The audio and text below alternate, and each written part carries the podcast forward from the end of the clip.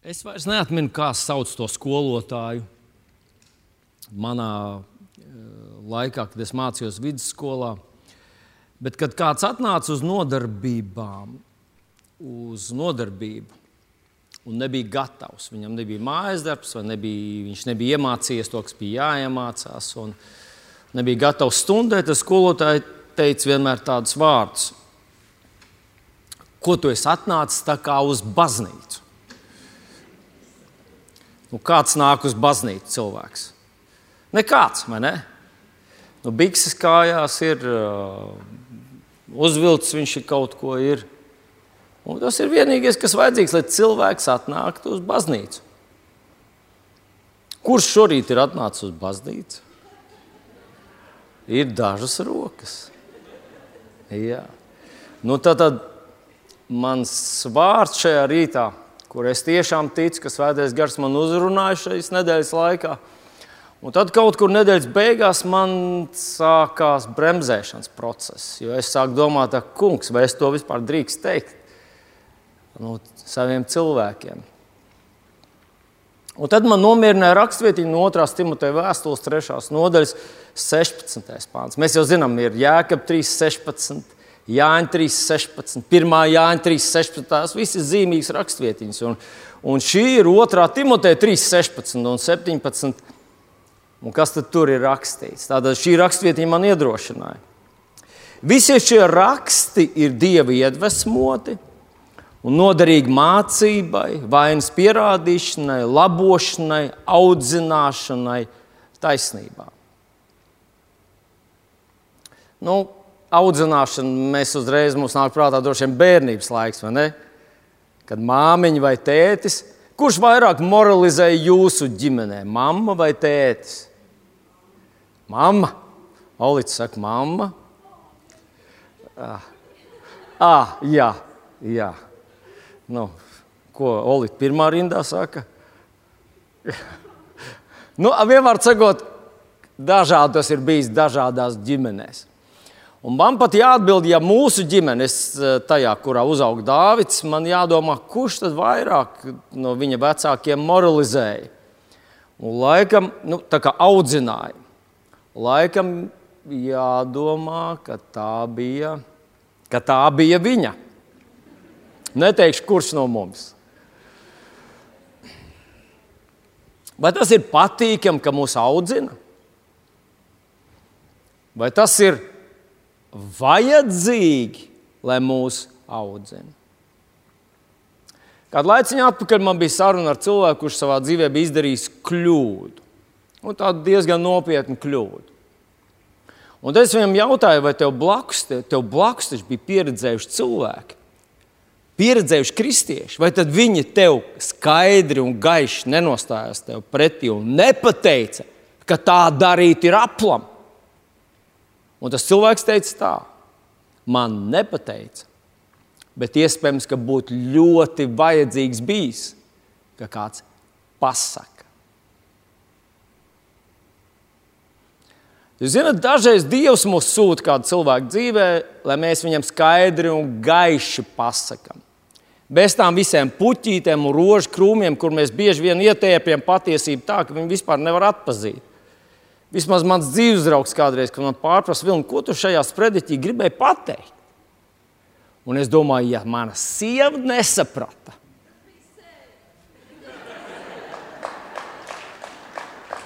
Paldies! Ej. Bet tā doma pati, ja mana sieva nesaprata, kas ir ar visiem tiem cilvēkiem, kas sēdēja zālē un uz mani tā skatījās, it kā viņi saprast. Tu gribi to patiesību ietērt tādās rozēs, un tādās gerberās, un tādās puikenēs, nu, kad lai tā būtu justos tik, nu, lai sajūta būtu, ka tā ir tik pieņemama un tik mīļa patiesība, ka viņi vispār nesadzird cilvēku. Bet ievērot, kas te ir rakstīts, ka te ne tikai lai audzinātu un labotu un pierādītu kļūdu, Dieva vārds ne tikai ir radīts tāpēc, lai tevi nomierinātu, pateikt, no, nesatraucies. Don't worry. No. Tas viss ir pupu mīzes, tavu grēki. Strunts tas viss tavs kļūdas. Galvenais. Kas ir galvenais? Kas tad ir galvenais? Vai nevajag labot savus kļūdas? Skatieties, tātad šeit ir uzrakstīts, ka Dieva vārds, kamdēļ tas mums ir dots. Tas mūs audzina, māca, pierāda mūsu kļūdas. Un 17. pāns. Lai Dieva cilvēks būtu pilnīgs, sagatavots katram labam darbam. Redziet, tas, ka es uzkāpu šeit, vai kāds cits mācītājs uzkāpa šeit, un mūsu draudzē ir vairākas kalpošanas dāvanas, un paldies Dievam, mēs esam ļoti atšķirīgi. Mēs redzam lietas atšķirīgi, un mēs pasniedzam tās atšķirīgi. Un tas ir tāpēc, ka Dievs mums ir devis dažādas kalpošanas dāvanas. Bet tas, ka kāds uznāk un kalpo šeit, nav tāpēc, lai tu savos apcirkņos ielikt kādu jaunu ideju, kādu jaunu domu, kādu jaunu tādu, nu, kā tādu, nu tā, oh, tas arī, tā arī var, tā tas ir. Bet lai tu kaut ko izmainītu savā dzīvē, lai tava rīcība, lai tu kā cilvēks, lai tie, kas tevi vakar pazina, sastapuši tevi šodien, teikt, hei, tev ir kaut kas savādāks. Vai tas ir normāli, ka pēc desmit gadu kristietības, desmit gadu kalpošanas, sekošanas jēzum, tu esi palicis vēl aizkaitināks, vēl nervozāks, vēl ļaunatminīgāks? Nedod Dievs uzkāpt uz tavu varžats, tu nositīs. Nu, Varbūt ne uzreiz ar rokām, bet ar vārdiem gan. Vai tas ir normāli? Tas, protams, nav normāli. Dievs grib, un Viņš ir dāvinājis savu vārdu, lai tu un es ieklausījušies, izlasījuši, paņēmuši, mēs, mēs izmainītos. Mēs kļūtu citi cilvēki. Lai mums būtu patīkamāk būt blakus, drošāk būt blakus. Lai tas, kurš mums ir blakus, lai viņš justos vairāk novērtēts, cienīts, mīlēts. Un es ticu, ka arī tas, ko šajā rītā es gribu ar jums padalīties, ir šis aicinājums ir tieši tāds. Vai šis misija, šī vārda misija ir kaut ko izmainīt tavā dzīvē. Mēs jau atceramies to vārdu, kad mēs nevis pielāgojam Dievu savam dzīves stilam, savām vērtībām, tā kā mēs gribam, savām apetītēm, bet mēs mainamies paši. Dievs nekad nemainīsies.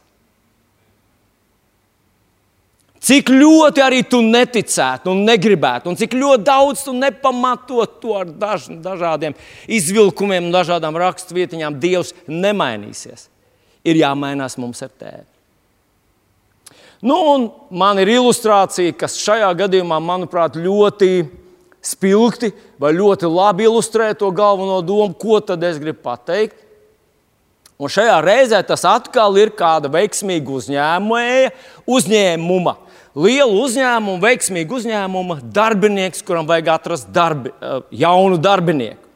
Un tā ir sakrits, ka kāds students, kas tūlīt, tūlīt pabeigs augstskolu, iegūs inženieru grādu, iegūs inženieru diplomu, meklē savu pirmo darba vietu. Nu, lūk, šis jaunais topošais inženieris ir atnācis uz interviju, un intervētājs viņam jautā, nu, kāda tad ir tā pirmā darba vieta, kur jūs meklējat? Inženieris, jaunais, topošais inženieris, tāds paliek pavisam nopietni un saka tā. Nu, divi ar pus tūkstoši mēnesi. Nu, varbūt mazliet lab, mazāk, bet tādiem jābūt nopietniem bonusiem. Intervētājs saka, ko jūs teikt par tādiem bonusiem? Piecu nedēļu atvaļinājums vasarā, plus 15 brīvdienas Ziemassvētkos, plus pusi no jūsu algas tiek ieskaitīta jūsu pensiju trešajā līmenī. Tad runa ir par Latviju ieskaitīt jūsu pensijas trešajā līmenī. Plus pilna veselības apdrošināšana, zobārsta pakalpojumu, un plus vēl pie tā, protams, darba mašīna. Nu, kaut ko pieticīgu, kur uzņēmums noīrē divreiz gadā, nu, kaut ko tādu vienkāršu, praktisku, nu, korveti, piemēram. Jaunais inženieris iztaisnoja muguru. Mirklīt padomāja, tas sacīja, Jūs jokojat. Intervētājs saka, bet jūs jau pirmais iesākāt.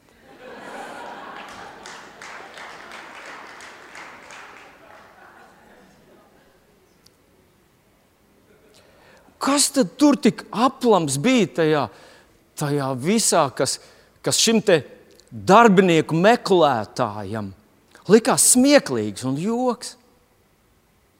Un, manuprāt, tas pavisam aplamais bija tas, ka šis jaunais darbinieks, topošais inženieris, nevis bija norūpējies par to, kādu devumu viņš atnesīs, vai viņš ir adekvāts tajā darba vietā, viņš to spēs izpildīt, ko viņš atnesīs šajā veiksmīgajā uzņēmumā, kurš jau fun funkcionē bez viņa. Viņa rūpe bija par to, kas faktiski bija atbildība tai otrai pusē. Viņa rūpe bija par algu. Ko es paņemšu no jums? Nevis to, ko es došu. Un šim cilvēkam tas likās, tam darbiniekam, tas likās smieklīgi. Vairāk kā 30 gadus atpakaļ es sapratu, ka Dievs uzrunāja mani, ka es kļūšu par mācītāju prieku vēstīju. Pirms manis bija vecāks mācītājs, viņam bija pieredze, viņš bija, bija mācījies, viņš bija mācītājs Baptistu draugā.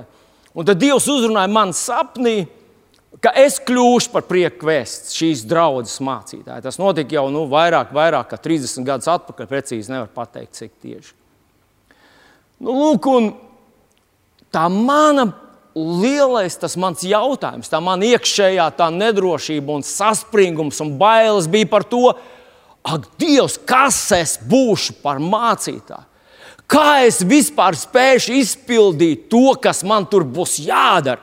Kā es spēšu uzkāpt uz platformas un kaut ko jēdzīgu saņēmis no Dieva? Manā izpratnē, varbūt man bija tāda vecmodīga izpratne toreiz, un arī šodien man ir tāda saglabājusies, ka mācītājs nav cilvēks, kurš pāršķir savus konspektus un padomā, ah, paņem šo no šejienes, turien no to, salikšu kopā, un būs laba runa. Ka mācītājs ir cilvēks, kuram jāiziet pie Dieva un jāparunā ar viņu. Un tad Dievs saka viņam, hei, tas ir tas, ko es gribu, lai tu nodod viņiem. Un tad tu atnāc pie pie saviem cilvēkiem un pasakā, ka es runāju ar to kungu. Šajā nedēļā viņš grib, lai es padalos ar šo un šo. Pirmie mēneši vispār bija murgs, un es uh, varbūt uh, kādu laiku atpakaļ, tas bija kādi vairāk gadu atpakaļ, es tā kā mazliet tā ļāvos tādām sentimentālām atmiņām stāstīt kā es negulēju naktis, kā es dzēru kafiju pa naktīm, lai spētu kaut ko jēdzīgu saprast, sadzirdēt no Dieva. Jo man liekas, ka tajā mirklī, kad man ordinēs par mācītāju, es nometīšos uz ceļiem un Dievs sāks čukstēt man ausī. Viņš runās man. Tad būs kaut kāds īpašs attiecības, man būs iespējas uzbraukt debesīs un svētdienas rītā nolaisties un, un pastāstīt, kā tur tie ķērubi un kā tur tie visi tie eņģeļi un tā tālāk. Un nekas tāds nenotika.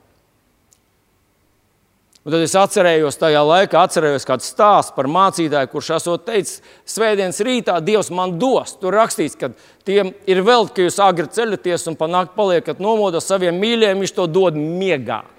Bija tāda viena trā, tāda, um, nu, tāda doktrīna, kuru man brāļu māsas apkārt, nu, nedaudz, bet bija tāds pulciņš, kas teica, ka ticīgiem īstam ticīgiem nav smagi jāstrādā, jo do, Dievs visu dod miegā. Halleluja! Kā mums patīk tā doktrīna. Nu, lūk, un tad tas mācītājs svētdien, atnāca svētdienas rītā, uzkāpis uz platformas un jautājās, nu, svētais gars, ko tad lai es tagad saku? Un svētais gars viņam esot čukstējis ausīs sliņķis, sliņķis, sliņķis. sliņķis. Viņš nogāja lejā, viņš ir to es tā kā sludināt, ne, ne, nevar, tas nav tas, kas jāsludina. Bet, zinot, kāpēc es to stāstu? Es to stāstu tāpēc, ka man nebija nekādu šaubu par to, ka Dievs var atmaksāt. Manā izpratnē Dievs man bija daudz lielāka ticība tam, ka Dievs samaksās, ka Viņš nav eksploatators, ka Viņš nepaņem nevienu, neizgriež viņu savus un tad pusmūžā aizperdē ārā, ej, meklē darbu kaut kur. Nu, man te vairs nevajag, tu esi pārāk vecs, smiltis jau, nu, birst ka Dievs tāds nav. Man bija daudz vairāk vajadzīga ticība par to, ka Dievs spēja lietot mani, ka es spēju būt tas, kam man ir jābūt. Dievs, ka es kā tavs darbinieks varēšu attaisnot tās cerības, kuras tu esi uz maniem līdzi, uz kurām nu, cerības, kas uz mani ir likts no cilvēka puses. Dievs, es gribu būt labs, bet man nav drosmes, ka, to, ka man tas izdosies. Tā bija mana lielā cīņa. Un, ja šajā intervijā es piedalītos, es teiktu pavisam savādāk. Es teiktu, es gribētu saprast, kas ir darbs. Es gribētu, lai jūs man palīdzat saprast, kas inženierim pa īstam ir jāmāk. Es atceros, kā mūsu med, centrālās medicīnas skolas beidzēji nonāca reālās uh, slimnīcās, reālās praksēs, reālās ātrās palīdzības uh, brigādēs. Tad viņiem, kad es, kad es pabeidzu 4. medicīnas skolu, es stāstu par to laiku ka tad viņi reāli sāks nu, mācīties. Mēs prasām iedurt, mēs prasām uzklausīt, prasām nu, kaut kādas prasmes, mums bija iedevusi skola. Bet reāli atrasties stresa situācijā, kad cilvēks ir mirstošs un kā salikt kopā to, ko tu esi mācījies, tas bija jāmācās reālajā dzīvē. Un tas ir tas, ko tam studentam vajadzēja saprast, ka labākais, ko viņš varēja iegūt no šīs pirmās darba vietas, ir iemācīties būt par inženieri reālu inženieri. Un es zinu, es, protams, neesmu uzņēmējs un nezinu, kā tas darbojas pie uzņēmējiem, bet man arī manā pakļautībā ir cilvēki. Un kad es redzu, kad kāds reāli nododas darbam, man ir tāda liela dilemma sirdī. Vai viņš izdzīvo ar to naudu, ko viņš saņem? Un kaut viņam pietikt, kaut viņš izdzīvot, kaut mēs varētu viņam samaksāt tik, lai viņš tiešām var normāli dzīvot. Un es domāju, jo vairāk tas ir uzņēmējiem, ja viņš pieņem darbā cilvēku, un tas cilvēks ir reāli rukā. Es uh, runāju par tādu, ziniet, tādu īstu cilvēku, īstu strādnieku, kurš saprot, ka, lai tu kaut ko saņemtu, tev kaut kas jānoliek, jādod. Ka tāds uzņēmējs rūpējas, lai šis labais viņa darbinieks tiktu apmaksāts. Un mana pārliecība, ka tāds pats ir Dievs. Es esmu dzirdējis mācītājus, kas saka Dievam pašā sākumā izvirs tādas prasības. Nu, ja tu rūpēsies par mani, rūpēsies par manu ģimeni, ja man ģimene būs pēdus, mums būs tāda un tāda mašīna, mums būs tāds un tāds dzīvoklis, tad es tev kalpošu. Es nezināju, ka tā var. Es nezinu, vai tas darbojas. Bet manā gadījumā tas tiešām darbojas. Vairāki desmiti gadi alga, kuru mēs saņēmām, draudzē spēja samaksāt tikai pusi no mūsu mēneša izdevumiem. Un es nerunāju par to, ka mēs šiki dzīvojam, mēs dzīvojam no cīsiņa uh, uh, un, un, un kaut kādiem elementārām, elementāras dzīvesveidu. Mums bieži vien, nu, es nestāstīšu visus tos nabadzības stāstus, bieži vien tā alga, pateikšu, kā tas bija, tā alga, ko mēs saņēmām draudzē, spēja nodrošināt pusmēnesi tikai. Tikai pašus minimālākos izdevumus. Otru pusmēnesi mums vajadzēs saņemt kā brīnumu. Un mēs jau esam kādreiz stāstījuši, Līga ir kādreiz stāstījusi par to, ka Ziemassvētku makarā mēs braucam mājās pēc liela svētku dievkalpojuma. Visi ir priecīgi, visi slavē Jēzu, viņš ir piedzimis, bet mums mājās nav nekā. Nu, nekā tas nenozīmē, ka nav kartupeļu un, un kaut kas tāds. Tas laikam vienmēr ir bijis. Un tad viena māsa, dažreiz viena māsa, viens brālis, dažreiz viena kaut kāda situācija atrisina mūsu to lielo mīnusu. Un tajā ziņā es gribu pateikt, ka Dievs ir Dievs, kurš neizmanto cilvēku, kurš neizspiež, viņš nav eksploatators. Tu vari paļauties uz viņa spēju samaksāt, uz viņa vēlmi samaksāt daudz vairāk nekā uz to savu ieguldījumu viņa darbā. Bet tā tad, vai, es, vai tas ir pareizi paļauties uz Dievu, kā Dievu, kurš atalgos? Un nevis rūpēties par to, lai Dievs man samaksā. Dievs man samaksā, rūpēs par maniem. Dievs, es tev tur pie vārdu rūpēsies par maniem citādi. Vai tas ir pareizi? Un es redzu, Bībelē ir daudzas raksturvietas. Es viņas visas nestāstīšu, bet uh, gribu pāris no jums, pāris jums parādīt. Nu, pirmā ir romiešiem 12, 19. Neatriebieties paši mīļie, bet atstājiet vietu dieva dusmībai. jo ir rakstīts, man piederā triepšana, un es atmaksāšu, saka tas kungs. Vienu lietu, ko kristietim vajag izmest no savu pienākumu saraksta, atriepties, atmaksāt kādam. Mūsu dzīvē ir situācijas, kad pret mums kāds izturas netaisni, varbūt nodara mums sāpes, un varbūt nozog mūsu labo vārdu, apmētā mūsu ar dubļiem aiz muguras. Un vēl jau sāpīgāk, ja tas ir cilvēks, kas tev priekšā tāds, tāds saldais medutiņš, un tad tu dzirdi, ka aiz muguras viņš stāsta par tevi sliktas lietas. Un manā kalpotāja dzīvē tas ir bijis vairāk kārt, ka man ir licies, ka ir cilvēki, ar kuriem man ir ļoti tādas, tādas tādas labas, siltas attiecības. Un, un, zinat, un man tie cilvēki liekas tik simpātiski, un es tā īpaši vēl piedomāju, lai, nu, lai, lai neuzkrītoši, aiz neuzmanības, aiz, aiz kaut kādas aizņemtības nepaietu garām šiem cilvēkiem, bet izrādīt to, ka viņi man ir īpaši un mīļi. Un tad tie ir tie cilvēki, kas bieži vien aiz muguras izrādījuši vislielākie noniecinātāji un vislielākie slikti runātāji. Un tad tu domā, pats, kā tas ir iespējams? Kā tas cilvēks? Kā tas ir iespējams? Ir cilvēki, kuriem es esmu pagājis garām, vienkārši, nu, vienkārši nu, laika nav apstāties pie katra. Un tie runā labi, bet šis cilvēks viņam nekad nepagāja garām, lai nepateiktu, cik viņš ir svarīgs, cik ļoti priecājos viņu redzēt, cik ļoti daudz viņš man nozīmē, cik viņam ir konkrēta vieta manā sirdī, un viņš aiz muguras runā slikti. Un tad tu domā, pats, bet tā nav godīgi, tā nav pareizi. Dievs tā taču nedrīkst to atstāt. Un tad man vienmēr ir mierināts šī rakstvietiņa vilni, tā nav tava darīšana, es to nokārtošu. Ja mēs paši sākam kārtot tās lietas, manuprāt, tā ir pazīme, ka mums ir nepietiekama ticība. Mēs neusticamies, ka Dievs spēja to izdarīt. Bet Dievs teica, ka Viņš to izdarīs. Tā ir mana daļa.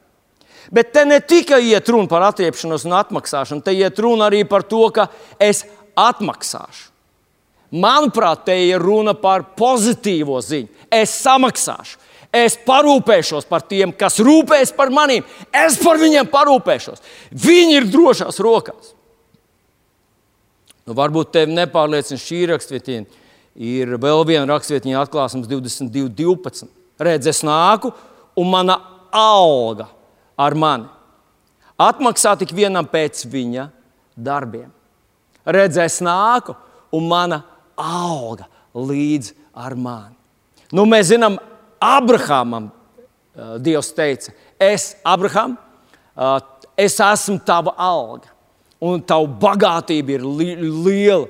Nu, ebrejiem 11.6, kur uzrakstīts, ka tam, kas pie Dieva griežas, nākas ticēt, ka Viņš ir un ka Viņš tiem, kas viņu meklē, Viņš atlīdzina. Viņš nav akmens Dievs, Viņš nav miris Dievs, Viņš nav aizbraucis Dievs.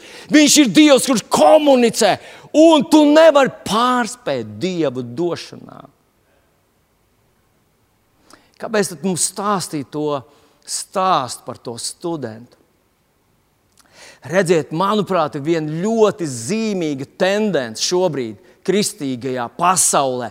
Un vispār, kad tu pabraukā pa rietumu pasauli, tu to vari ar šausmām konstatēt. Un kas tad tā ir? Galatiešu vēstulēs, 6. nodaļā, mēs lasām tādus uh, uh, interesantus vārdus. Nepievilieties!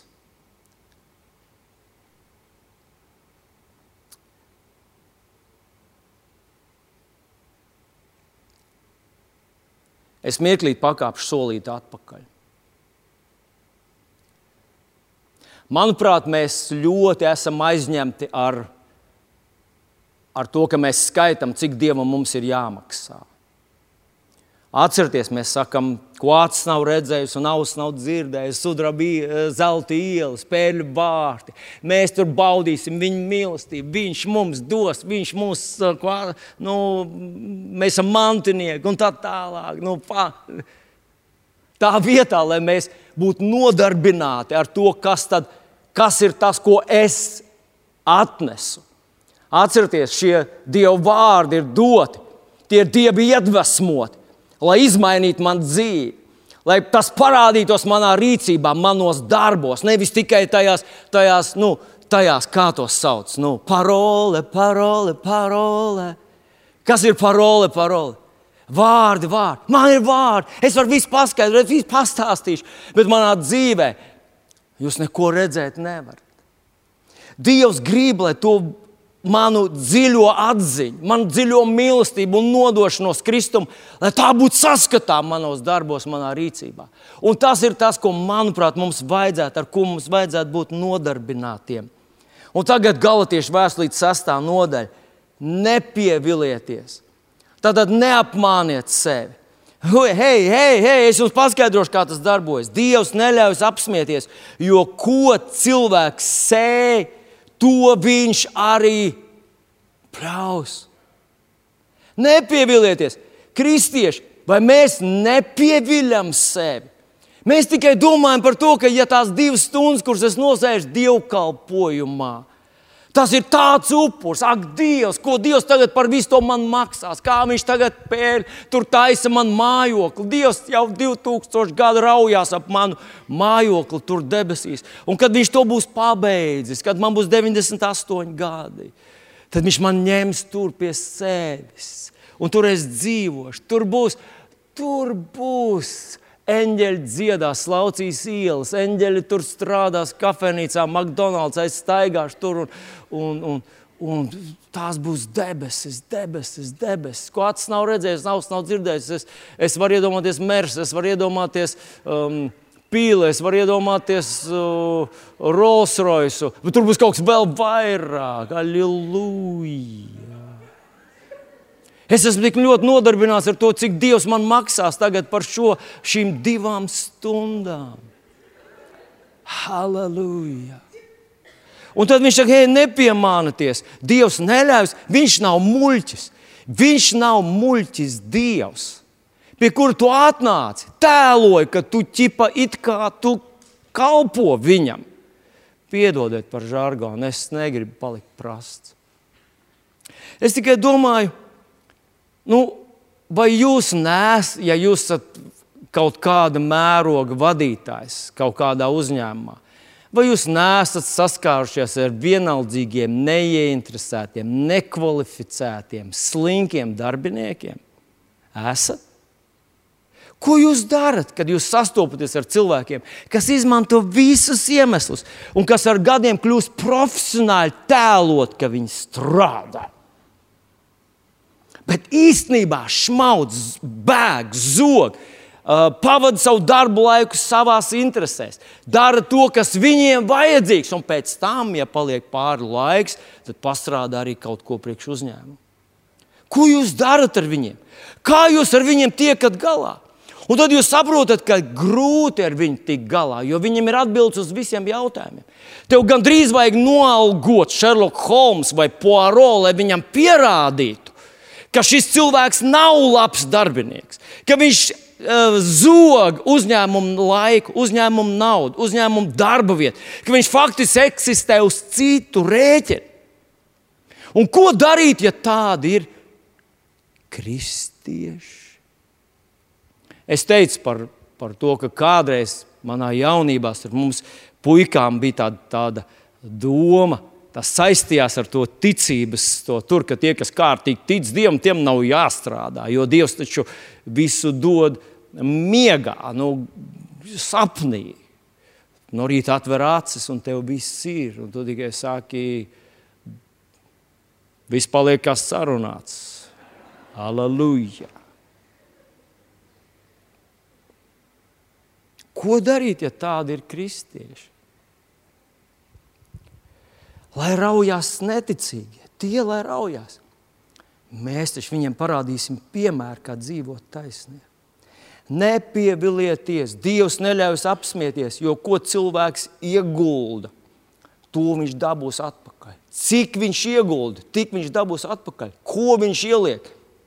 Mēs lasām tālāk, proti, kas sēž savā miesā, tas pļaus no miesas pazušana. Tas ir absolūti miesas filozofija.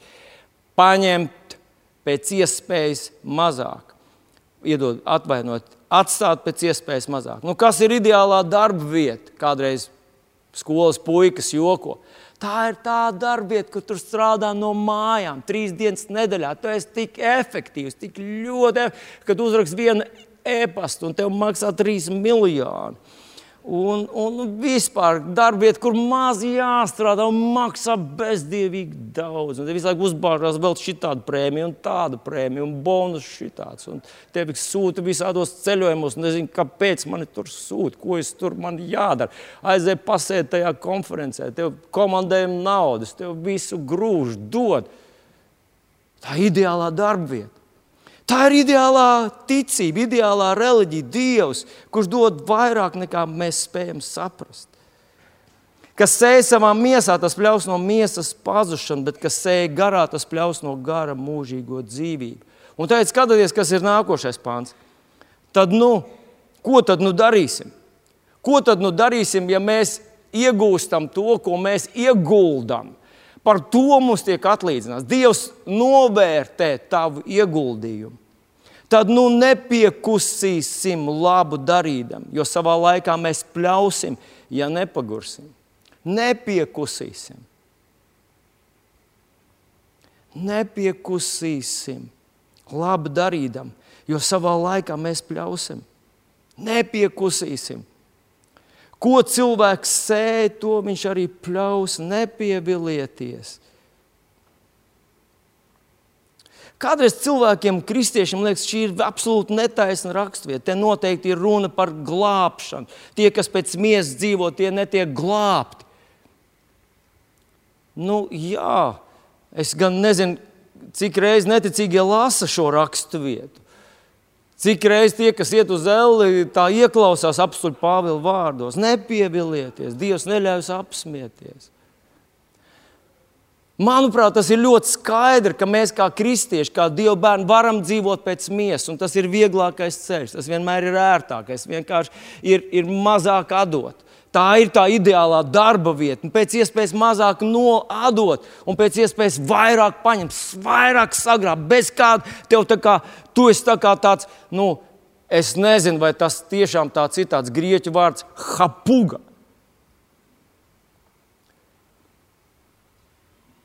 Tas ir cilvēks, kurš, ja viņš ierauga kaut ko, ko var paņemt, viņam, viņam šķirnes lēnām nolaižās, un viņš viņā pamostās iekals pilna mute.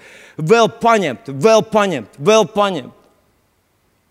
Kādu laiku atpakaļ, tie kādi pāris gadi atpakaļ, viens no mūsu turīgiem brāļiem man pienāca un teica, Vilni, zini, ko man ļoti gribas tevi svētīt. Un man gribas te uzdāvināt pulksteni. Un viņš man iedeva pulksteni. Es paskatījos, tas pulkstenis tas nav šis, tas ir cits pulkstenis.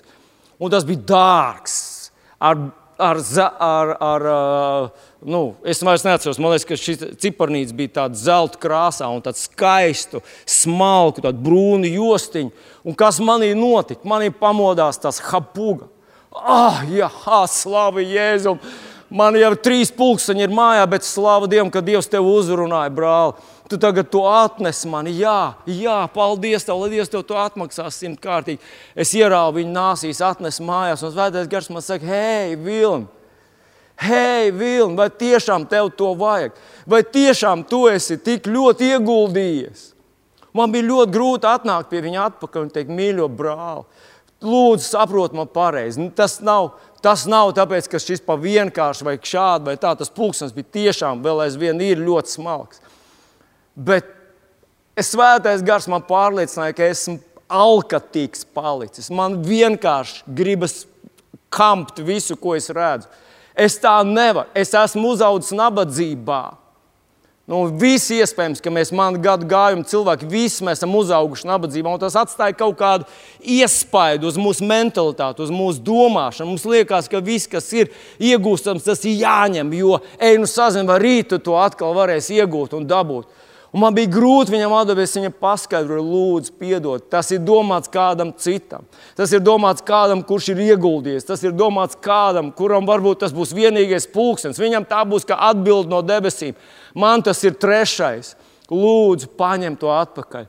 Un es ticu, ka tas brālis paņēma to atpakaļ un iedeva kādam citam. Viņam bija sirds to kādam iedot, viņš iedeva kādam, un kādam citam tas strādā.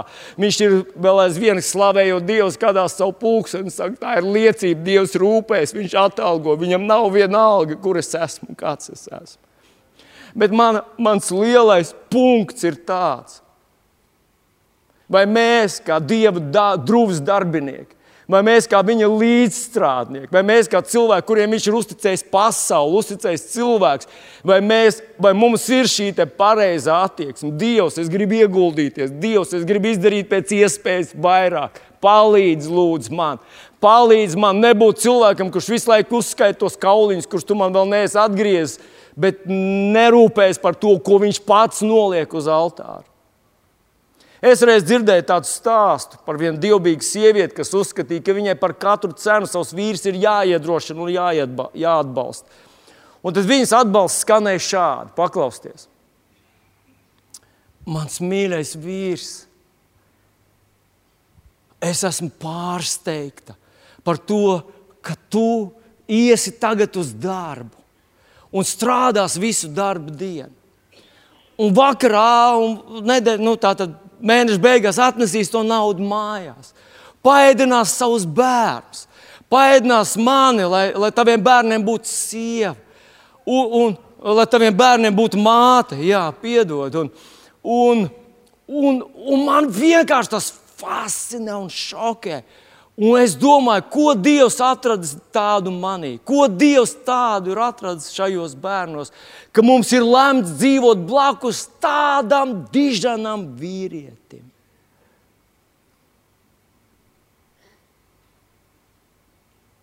Vai tas būs tas, ko Dievs mums teiks? Hei, tu dzīvoji miera laikos. Tu dzīvoji laikos, kad nebija dzimbūšanas. Tu dzīvoji laikos, kad tu varēji varēja ēst, ko gribi. Tu varēji iepirkties, ko tev bija apelsīns pilns skats, tev ir skats pilns ar drēbēm, tev ir kontā naudiņa, tu vari izdomāt, kur braukt atvaļinājumos. Tu nevari izlemt, kur, kā, kur paēst. Tu dzīvo tajā šausmīgajā laikā, un tu man ziedoji tik daudz. Un gan jau debesīs būs kāds Lemberga grāmatvedis, kurš spēs no visiem taviem ziedojumiem samanģēt kopā, ka beigās par lielu pārsteigumu viņam pašam tur sanāks, ka tas ir desmitais no visiem taviem ziedojumiem. Vai tā tiešām tā būs? Un tad viņš saka, nē, Dievs neļaus apsmieties. Un tagad mēs ejam jau uz nobeigumu, un es ļoti gribētu, lai, lai tu vēl neatslāpst un mēģini sadzirdēt, ko tad šajā rītā es gribu pateikt. Mateja 6. nodaļā mēs lasām tādus vārdus. Neviens nevar kalpot diviem kungiem, vai viņš vienu ienīdīs un otru mīlēs, ja viņš vienam pieķersies un otru atmetīs. Jūs nevarat kalpot dievam un mantai. Tas mans vietā mēs droši varam likt naudu. Jūs nevarat kalpot dievam un naudai. Mēs nevaram kalpot Dievam naudai. Mateja evanģēlē ir rakstīts, ka Varizēja Jēzu izsmēja par šiem vārdiem. Man liekas, pats, kā, kas tur ir kopējs starp naudu un Dievu? Dievam taču mēs kalpojam, ja mums paliek brīvs laiks. Dievam mēs kalpojam tad, kad mēs visam izdarījuši, un tad mums ir vēl kaut kāds maķenīts un kaut kas tāds privāts, un tad mēs Dievam kalpojam. Bet nauda taču ir tā, nu, nauda taču Nu, padomājiet! Un es mazliet pie sevis tā padomāju, ko, uz ko cilvēki ir gatavi naudas dēļ, algas dēļ. Kas tas ir? Iespējams, ka jūs vēl pie manas sarakstiņa pieliksiet vēl daudzas lietas klāt. Bet cilvēki ir gatavi agri celties, braukt ar nērtiem transporta līdzekļiem uz darba vietu, kuru viņi ienīst, uz kolektīvu, kas viņiem nepatīk. Un viņi ir gatavi smaidīt, izturēties pieklājīgi, sadarboties ar cilvēkiem, kas viņiem vispār, nu, nu, vispār nemaz nu, nešķiet simpātiski. Jo viņi zina, viņi rēķinās, ka beig beigās viņiem par to samaksās. Cilvēki dodas karā. Mēs šodien tā ir aktualitāte. Ir algotņi, kas dodas uz Ukrajinu, šaut un spridzināt, zinot, ka arī viņus pašus šaus un spridzinās tikai tāpēc, ka viņiem sola maksāt algu. Esat varbūt arī pēdējo, pēdējās dienās dzirdējuši par kādu aktieru, kurš lomas dēļ, ne jau tāpēc, ka tā ir viņa sapņu loma, bet tāpēc, ka par to lomu viņam samaksās, viņš uzēdās. Nu, uzēdās tā, ka izskatās slimīgi resns. Viņš to izdarīja tāpēc, lai viņš varētu saņemt atalgojumu par to lomu, ko viņš tūlīt nospēlēs. Citi nomet kilogramus, Citi dodas bīstamās ekspedīcijās. Cilvēki naudas dēļ nekaunās, ka vīri ar kamerām lien viņa personīgajā dzīvē, vannas istabā, gultā, jo viņiem par to samaksās. Cilvēki dara noziegumus naudas dēļ, cilvēki zog, krāpjas, cilvēki nonākuši atbildīgās uh, pozīcijās, naudas dēļ, gatavi uzmest savu tautu, pārdot to. Naudas dēļ. Naudas dēļ mums arī visiem tas šķiet, ka tas, nu, tas, tas, ir, nu, tas ir tā pašsaprotami. Nu, naudas dēļ. Bet šeit viņš noliek vienos svaru kausos naudu un dievu. Uz ko es esmu gatavs dieva dēļ? Ko es daru dieva dēļ? Ko tu esi upurējis dieva dēļ? Ko tad?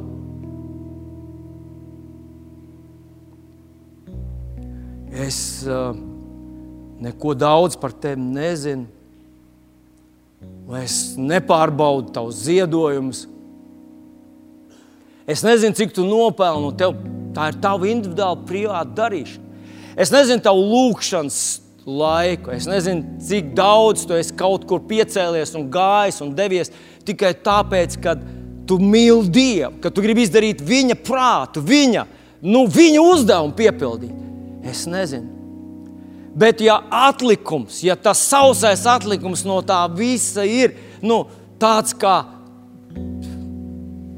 bija kādreiz kāds stāsts par Ņujorkas advokātu, kurš nonāk debesīs, un tur pie, pie vārtiem, protams, ir Svētais Pēters ar Ercaņģeļu Mi, Mihēlu, un viņš grib tikt debesīs iekšā, un viņi saka, bet ko tu esi labi izdarījis, debesīs jau tāpat netiek. Un, mīļais draugs, es gribu vēlreiz apstāties un atgādināt, ka mēs nerunājam par glābšanu. Mēs runājam, nerunājam par Dieva mīlestību, mēs nerunājam par Dieva svētību. Mēs nerunājam par viņa sirdi, kas pukst un sniedzas tev pretī 24 stundas, lai ko tu darītu. Mēs runājam par to, ko mēs esam izdarījuši, tad, kad mēs esam saņēmuši šo neaptveramu, dārgo, žēlastību, izšķērdīgo, žēlastību, dāsnumu, mīlestību, atdošanu, līdzdalību, atbalstu. Kad Dievs saka, es esmu ar tevi līdz pasaules galam, ko tad mēs pēc tam ar to darām? Par to ir runa. Un tā tad tie abi vārtu sargi saka šim advokātam, ko tad tu esi izdarījis? Un viņš sāk domāt, domāt, domāt. O, es atceros, ka es biju jauns, jauns advokāts. Es tur vienam vienreiz uz ielas iedevu 25 cent, amerikāņu centus, tas ceturdaļu, ceturdaļu dolāru. Nu, viņi meklē, meklē pierakstus. Jā, tiešām viņš ir iedevis tos, tos 25 centus vienam nabagam. Bet uh, Pēters saka, ar to par mazu. Advokāts domā, domā, domā, bet ir vēl viens notikums. Arī bija tāda situācija, tur kaut kur bija tāds ļoti tāds, tāds sentimentāls stāsts kādam cilvēkam. Mēs viņam iedevām vēl 25 centus. Un viņi atkal meklē, meklē grāmatas. Jā, atrod, jā, ir 25 centi vēl iedot. Un tagad, tagad viņi domā, ko darīt.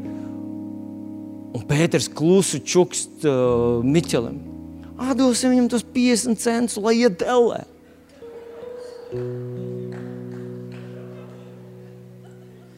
Ādosim viņam tos sīkums.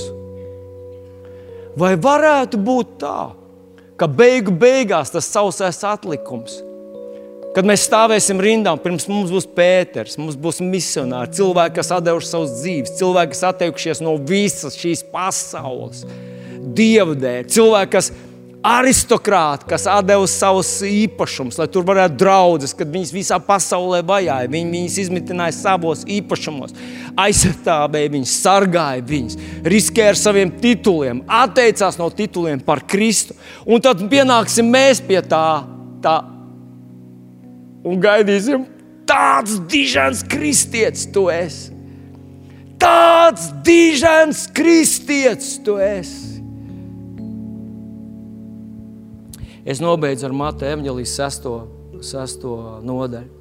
Nekrājiet sev mantas virs zemes, kur kodas un rūstās maitā, un kur zāģi roku un zog.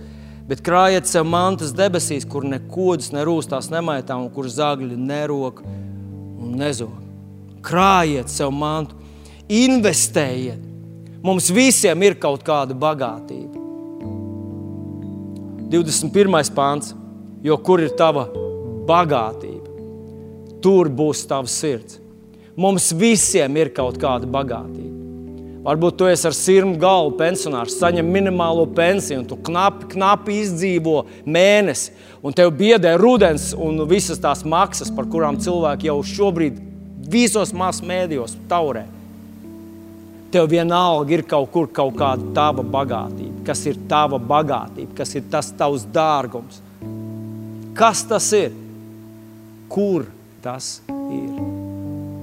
Ja tas ir bankā, ja tas ir mājās, ja tas ir kaut kur paslēpts, kur kaut kāda tur, es nezinu, no, no ulmaņa laikiem kaut kāda sudraba naudiņas, vai kaut kāda biķera, vai kaut kāda kristāla vāzes, vispirms iespējams, ka viņi ir pazaudējuši savu vērtību. Un tas, ko tu domā, ka tas ir dārgs, īstenībā maksā tikai dažus desmitus eiro.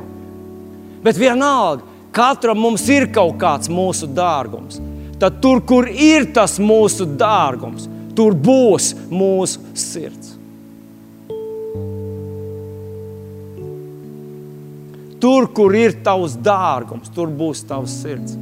Un tad Jēzus mums dod padomu, mūžīgi, gudru padomu, dievišķīgas gudrības, dieva mīlestības, dieva tēva inspirētu padomu. Viņš saka, krāj mantas debesīs. Iedomājieties, ka tu meklē izdevības, kad es varu kaut ko izdarīt ar mūžīgas vērtību kad es varu kaut ko izdarīt pēc dieva misijas un uzdevuma. Kad es varu Dievs pakalpot tev, dod man iespēju. Es to izdarīšu, es to darīšu ar pareizu sirdi. Es to darīšu ar par, no visas sirds, es to darīšu no A līdz Z. Dievs, es gribu kaut ko izdarīt. Es gribu, lai mana sirds ir tur, es gribu, lai mana bagātība ir tur. Tātad tas lielais jautājums nav, cik maz tev ir šeit Bet tas lielais jautājums, kur ir vairāk, vai tur ir vairāk, vai šeit ir vairāk? Ja tev šeit ir daudz, tad tev jāgādā, lai tur ir vēl daudz vairāk. Ja tev šeit ir maz, tad tu zini, tu vari būt cilvēks, kuram tur ir neparasti, neizmērojami, fantastiski daudz. Mīļais, mans brāl un māsa, mums šodien ir vakarēdienas svētdiena. Vakarēdienas svētdiena tā bija pēdējā reize, kad Jēzus ir kopā ar saviem mācekļiem. Tad viņš paņem maizi, viņš teica, šī maize ir man miesa, kas par jums to padod. Ko es par tevi devu? Rekur man miesa tā tiks salauzta. Ēdiet to, pieminiet, ko es priekš jums izdarīju. Tad viņš paņēma biķeri. Viņš teica, šis biķers ir jaunās derības asins, manas asins. Es tās izliešu par tevi. Iedomājies, ka tev jāatbild kaut ko uz to. Pirmā atbilde, protams, ir paldies, Dievs, es neesmu cienīgs. Es to varu tikai ar pateicību, ar bijīgu sirdi, ar tādu sirds trīsām. Es to varu pieņemt. Paldies, tev, gods tev, slāva tev, pateicība tev. Bet tad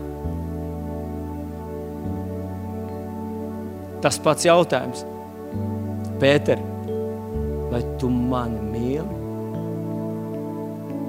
Nu, kā izpaužas tavu mīlestību? Vai tu man mīli vairāk kā šie Pēteri? Ko tu atbildēsi uz manu mīlestības, bezgalīgas, beznosacījuma mīlestības piedāvājumu? Kā tu atbildēsi uz viņu? Un tad Pēters sāk rakāties pa kabatām.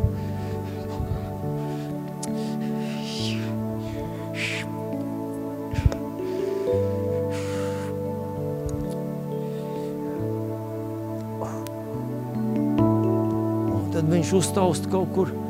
O, oh, ir, ir. Šie pieci centi nāk no manas sirds. Man dzīve kopā ir miljons, bet no šai miljona es tev atdodu šos 5 centus, 15 centus, 50 centus.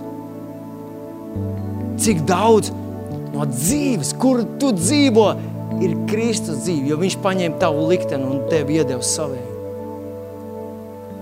Vai šis pēdējais laiks, šis draudzes pēdējais laiks, ir laiks, kad mēs tā kā tādi rietumu pašapmierinātie kristieši, tādi labi pēduši, labi situēti, labi nodrošināti kristieši. Mēs pāris reizes mums bija iespēja ar līgu arī kaut kur būt, kaut kādās tās rietumu, tajās bagātajās zemēs. Un nāk vakars. Viņiem ir smuka glezniecība, baznīca, tur mazās pilsētiņas centrā. Smuki kapiņi.